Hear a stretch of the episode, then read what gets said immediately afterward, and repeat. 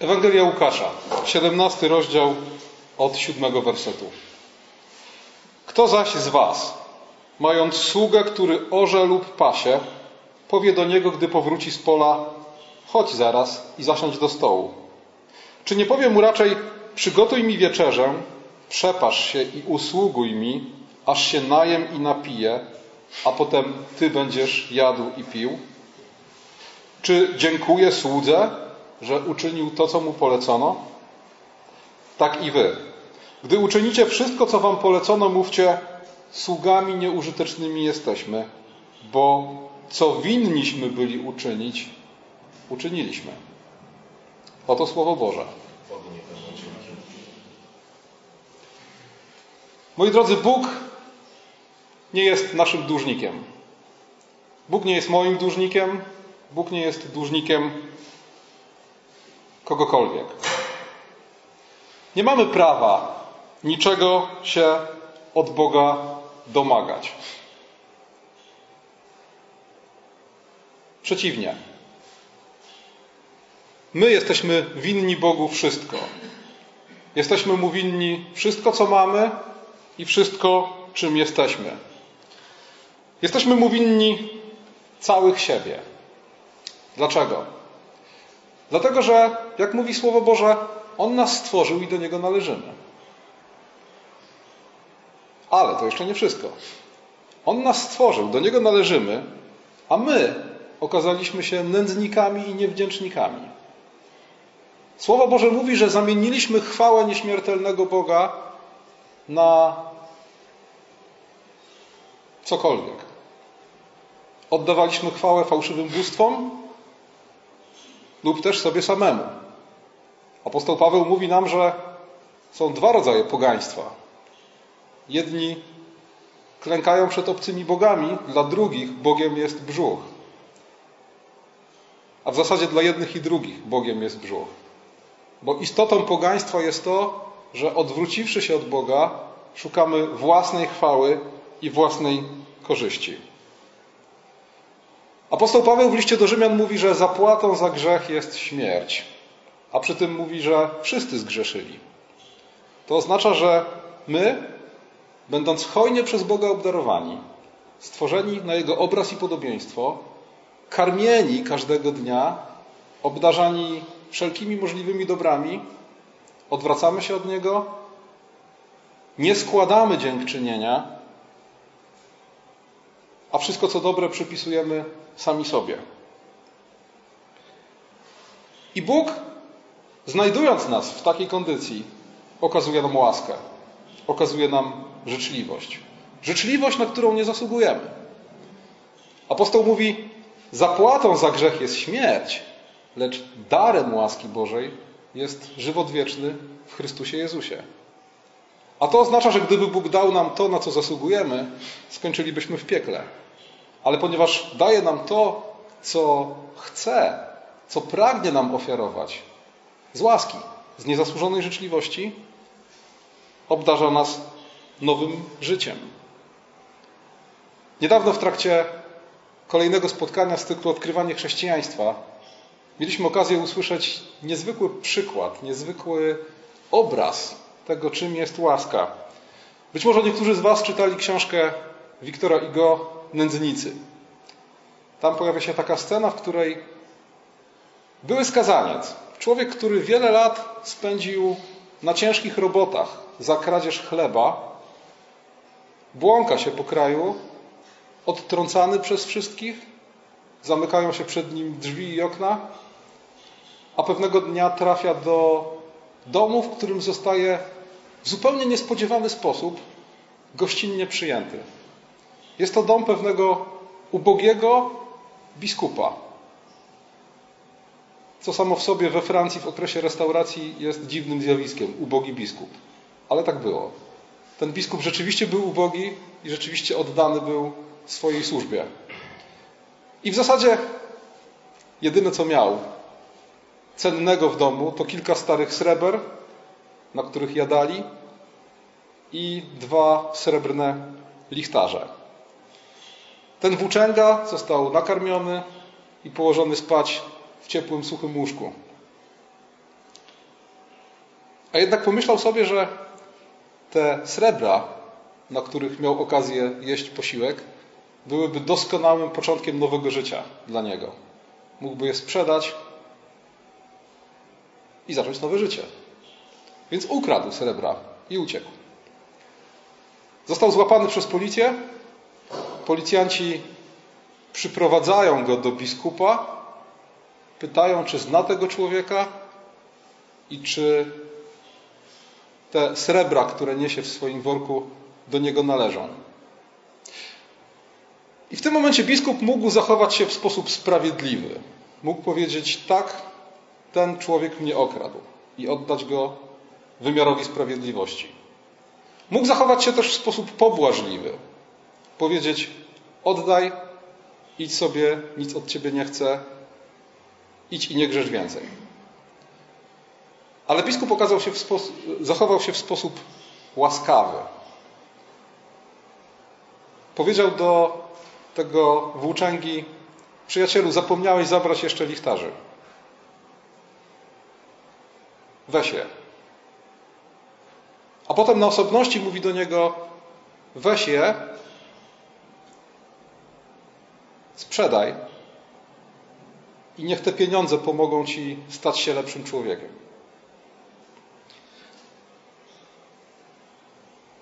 Ta historia pokazuje nam, w jakiej my pozycji jesteśmy wobec Boga.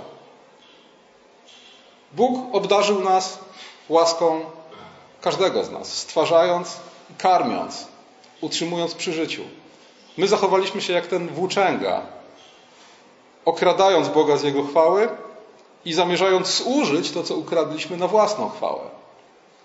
Bóg mógł okazać się sprawiedliwy i skazać nas na wieczną karę. Mógł okazać się też pobłażliwy, powiedzieć: Dobrze, masz jeszcze jedną szansę. Ale okazał się łaskawy. Dał nam więcej niż to, co ukradliśmy. Więcej niż to, co chcieliśmy sprzeniewierzyć. I powiedział: Zacznij nowe życie. I niech to nowe życie będzie naprawdę nowym życiem. Bądź inny. Umrzyj dla grzechu, żyj dla sprawiedliwości. Okazując nam łaskę, Bóg wykupił nas, jak mówi Słowo Boże, dla siebie na własność. I nabył nas dla siebie na własność za tak wielką cenę, że nigdy nie będziemy w stanie odpłacić Bogu. Nigdy nie będziemy w stanie nawet zbliżyć się do tego punktu, w którym moglibyśmy wyrównać rachunek. I kiedy Bóg nabył nas dla siebie i uczynił swoją własnością, w tym samym czasie, w tym samym momencie powołał nas do służby dla Niego. Kiedy czytamy list do Rzymian, widzimy, że przez pierwsze 11 rozdziałów apostoł Paweł wyjaśnia, czym jest Ewangelia. Wyjaśnia, czym jest łaska, którą Bóg okazał nam w Chrystusie. A od 12 rozdziału mówi nam o tym, jaka powinna być odpowiedź na Ewangelię. Odpowiedzią na Ewangelię jest oddanie siebie na służbę Bogu, Obrazowo apostoł Paweł mówi złożenie swojego ciała w ofierze Bogu. I kiedy czytamy kolejne rozdziały, widzimy, że oddanie siebie na służbę Bogu oznacza tak naprawdę oddanie siebie na służbę bliźniemu. Że służyć Bogu oznacza okazywać sobie nawzajem szacunek, braterską miłość, oznacza nawet płacenie podatków. Oznacza, krótko mówiąc, żeby wobec innych każdemu oddawać to, co mu się należy. Komu szacunek, szacunek, komu cześć, cześć, komu pomoc, pomoc, komu podatek, podatek. Człowiek, który poznaje łaskę w Chrystusie, rozpoznaje w Chrystusie Zbawiciela i rozpoznaje też to powołanie do tego, żeby odtąd całym swoim życiem służyć Chrystusowi. Taki człowiek często prowadzony tą pierwszą miłością, rzuca się w wir służby. Chce służyć, chce pomagać, chce, będąc zbawiony z łaski, będąc tą łaską zachwycony, rzeczywiście złożyć swoje życie w ofierze Bogu. Ale kiedy już w tej służbie okrzepniemy, kiedy już zrobimy pewne postępy, rodzi się wtedy pokusa, żeby na służbę, na życie z Bogiem i dla Boga, na to wszystko, co robimy dla innych, spojrzeć w kategoriach zasługi. A nawet, jakkolwiek wystarczy chwilę się zastanowić, żeby zobaczyć, jak absurdalne to jest, w kategoriach przysługi, jaką robimy Bogu. Zaczynamy z naszej służby, naszego poświęcenia dla innych i dla Boga wywodzić pewne roszczenia. Zwykle nie wobec Boga, tutaj często brakuje nam śmiałości, ale wobec braci, wobec sióstr, wobec Kościoła. Zaczynamy za naszą służbę i poświęcenie szukać nagrody tu i teraz. Chwały, wdzięczności i przywilejów. Zaczynamy się zastanawiać, czy aby na pewno nasze wysiłki są należycie docenione, dostrzeżone i nagrodzone. Czy aby na pewno wszyscy widzą, jak bardzo poświęcamy się dla nich, czy aby na pewno to doceniają, czy aby na pewno nie grzeszą brakiem wdzięczności wobec nas, albo co gorsza, czy nie przypisują sobie naszych zasług. I oczywiście pożywką dla takich rozważań zawsze jest porównywanie się z innymi ludźmi. Widzimy ludzi, którzy mają większe możliwości niż my, a jednak nic nie robią. Przynajmniej tak to w naszych oczach wygląda. Widzimy ludzi, którzy robią mnóstwo szumu wokół siebie i w ten sposób skupiają na sobie wdzięczność i podziw w sumie nie wiadomo za co. A sami mamy wrażenie, że im więcej pracujemy, im więcej się poświęcamy, im więcej służymy, tym bardziej wszystkie wyrazy wdzięczności i honory nas omijają. Konkluzja, do jakiej człowiek może w takiej sytuacji dojść, jest taka. Inni otrzymują więcej niż zasłużyli, ja mniej. Możemy to nazwać kompleksem starszego brata z przypowieści o synu marnotrawnym. Kiedy syn marnotrawny wraca do domu i ojciec przyjmuje go z honorami i wyprawia na jego cześć ucztę, starszy brat mówi: Ja całe życie Tobie wiernie służę, a nawet koźlęcia mi nie dałeś, żebym mógł się zabawić z przyjaciółmi. A kiedy wraca ten, który roztrwonił Twój majątek, Ty każesz wołu ubić, żeby wyprawić ucztę na jego cześć.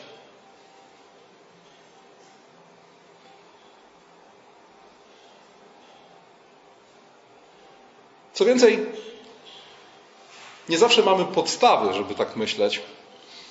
Nie zawsze mamy nawet taką podstawę, jaką miał starszy brat. Zwykle towarzyszy nam przesada. Umniejszamy cudze wysiłki i zasługi, a powiększamy własne.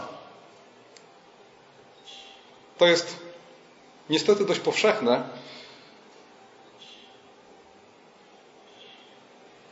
I stara rzymska zasada, która mówi, że nikt nie jest sędzią we własnej sprawie, powinna nas powstrzymywać przed tego rodzajem, przed tego rodzajem sądów. Dlatego, że kiedy zestawimy siebie z drugim człowiekiem, kiedy z tego porównania chcemy wyciągnąć wnioski, zawsze jesteśmy fałszywymi sędziami. Zawsze jesteśmy sędziami we własnej sprawie. Co nie zmienia faktu, że nasze poczucie niewdzięczności, że oskarżenie innych o niewdzięczność często bywa niebezpodstawne. Niewdzięczność jest bardzo powszechna. Luther kiedyś napisał, że nic nie starzeje się prędzej niż wdzięczność. A więc kiedy myślimy o ludziach wokół nas, że, jest, są, że są niewdzięczni, bardzo często mamy rację. Pytanie tylko, co z tym dalej zrobić? Jezus mówi tak: Gdy uczynicie wszystko, co wam polecono, mówcie, sługami nieużytecznymi jesteśmy, bo co winniśmy byli uczynić, uczyniliśmy. To jest postawa, jaką zaleca nam Chrystus.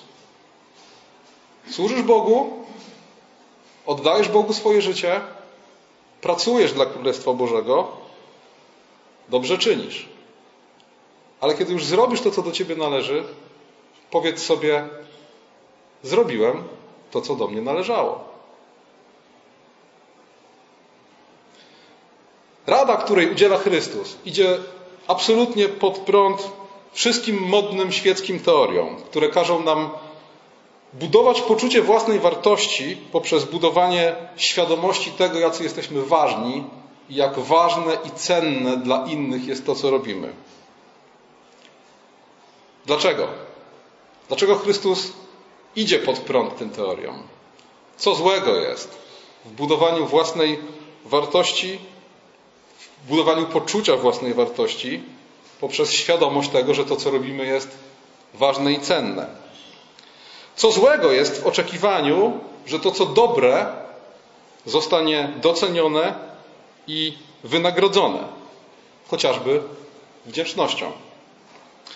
Jak to zwykle bywa, rada, której udziela nam Chrystus, ma na celu chronić nas. Jezus rzuca wyzwanie temu, co jest śmiertelnym zagrożeniem dla chrześcijanina własnej sprawiedliwości, szukaniu poczucia wartości i bezpieczeństwa w sobie samych, we własnych uczynkach. Przed tym właśnie Jezus nas chroni. Chroni nas przed sytuacją, w której Zaczynamy od łaski, kiedy przyjmujemy zbawienie w Chrystusie. I wtedy nie mamy najmniejszych wątpliwości, że nic nam się nie należy, ale potem budujemy własną sprawiedliwość, oczekując chwały i wdzięczności za wszystko, cokolwiek dobrego zrobimy dla innych. I tutaj przychodzi też apostoł Paweł, który w liście do Galacjan w 5 rozdziale 15 wersecie mówi: nie bądźmy chciwi próżnej chwały. A z kolei w szóstym rozdziale, w czwartym wersecie przestrzega przed tym, żeby nie szukać chwały porównaniu z drugimi. Zarówno Jezus, jak i apostoł Paweł rzucają wyzwanie grzesznej koncentracji na sobie samym. I słuchajcie, w ten sposób rzucają wezwanie czemuś, co tak naprawdę jest, jak to stwierdził Chesterton, istotą piekła. Chesterton mówi, że piekło to jest taki stan, w którym każdy jest wiecznie zajęty swoją godnością i awansem, każdy ma do kogoś pretensje i każdy pochłonięty jest śmiertelnie poważnymi uczuciami zazdrości, własnej ważności i urazy. Chesterton pisze, że piekło to bezwzględne, czujne, pozbawione uśmiechu koncentrowanie się na samym sobie. Ja i moje wysiłki, których nikt nie docenia, za które nikt nie jest wdzięczny, których nikt nie widzi.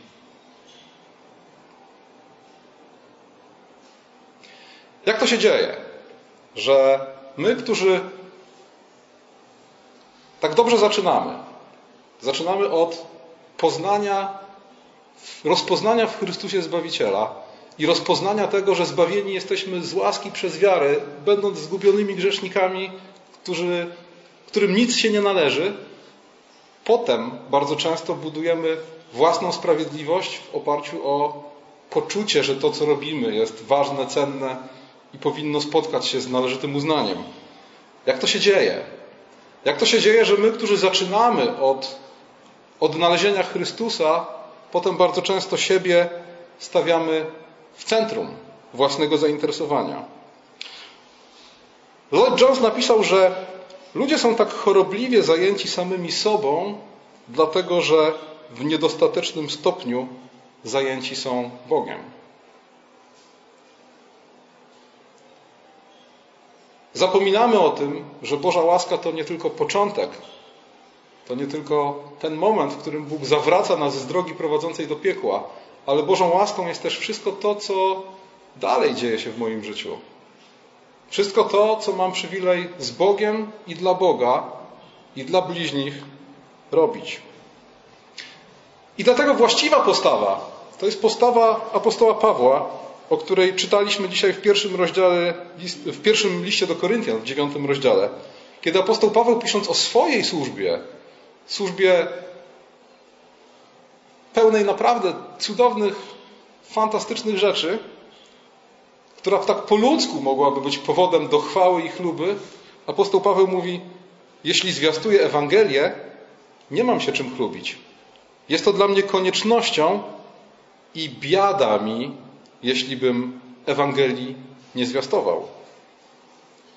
I w innym miejscu apostoł Paweł mówi: Jeśli mam się czym chlubić, będę się chlubić krzyżem Chrystusowym.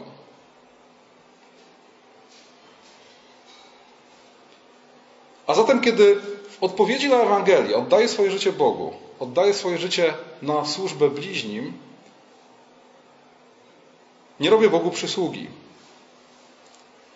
Nie robię czegoś, za co powinienem oczekiwać chwały i wdzięczności od innych. Robię coś, co jest prostą konsekwencją i koniecznością tego, kim jestem w Chrystusie. Biada mi, gdybym nie zwiastował Ewangelii. Przekładając to na życie każdego z nas, biada mi, gdybym nie robił tego, do czego Bóg mnie powołał. Biada mi, gdybym nie robił tego najlepiej, jak potrafię. Biada mi, gdybym porzucał i zaniedbywał swoją służbę tylko dlatego, że mam wrażenie, że inni są niewdzięczni i źli. Sługami nieużytecznymi jesteśmy. Co powinniśmy byli zrobić, zrobiliśmy. Taka powinna być nasza postawa. W drugą stronę,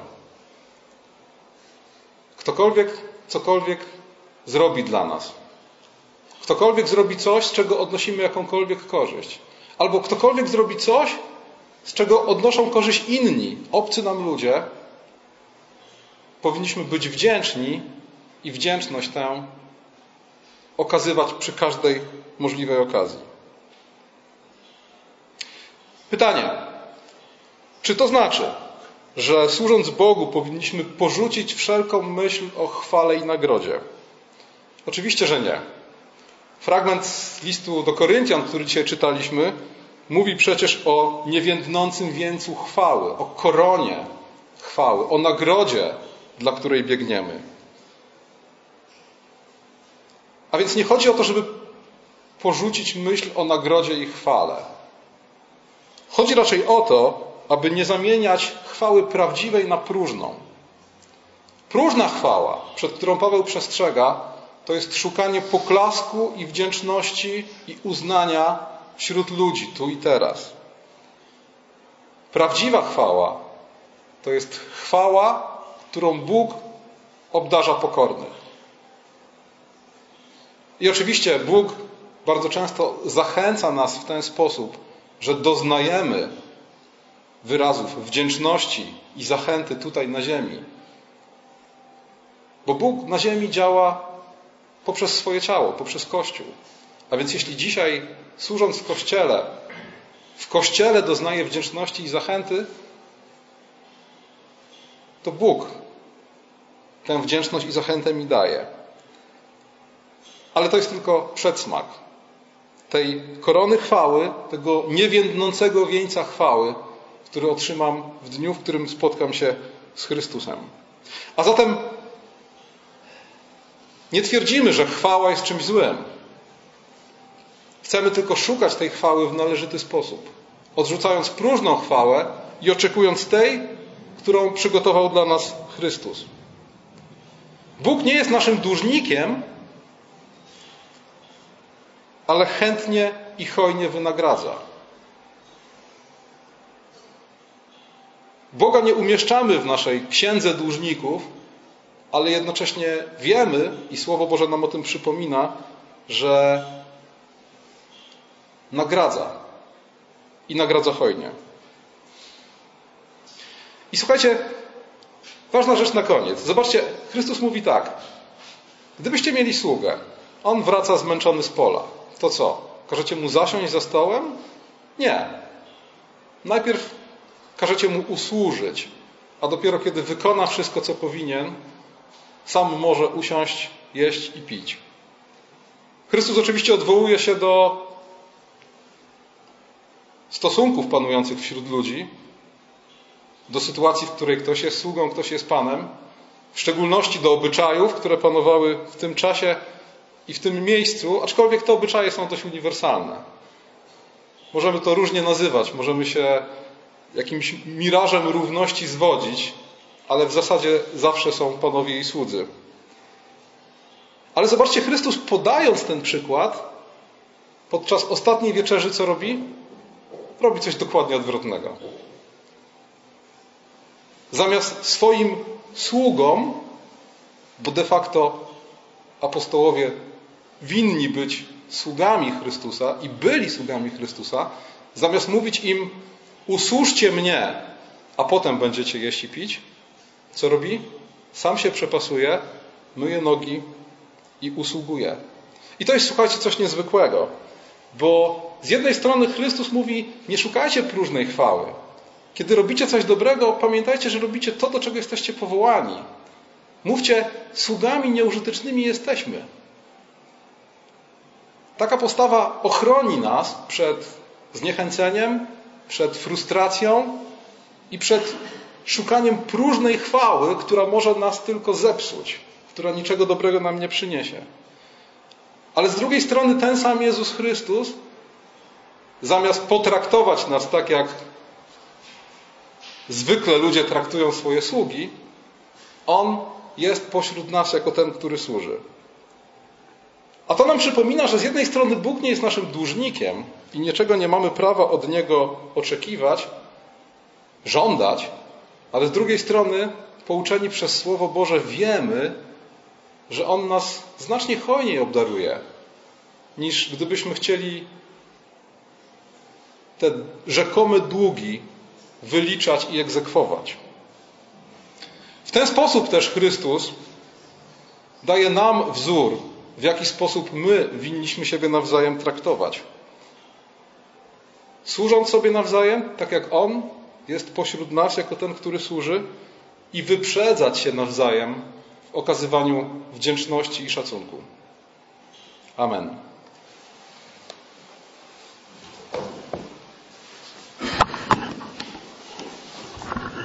Powstańcie proszę.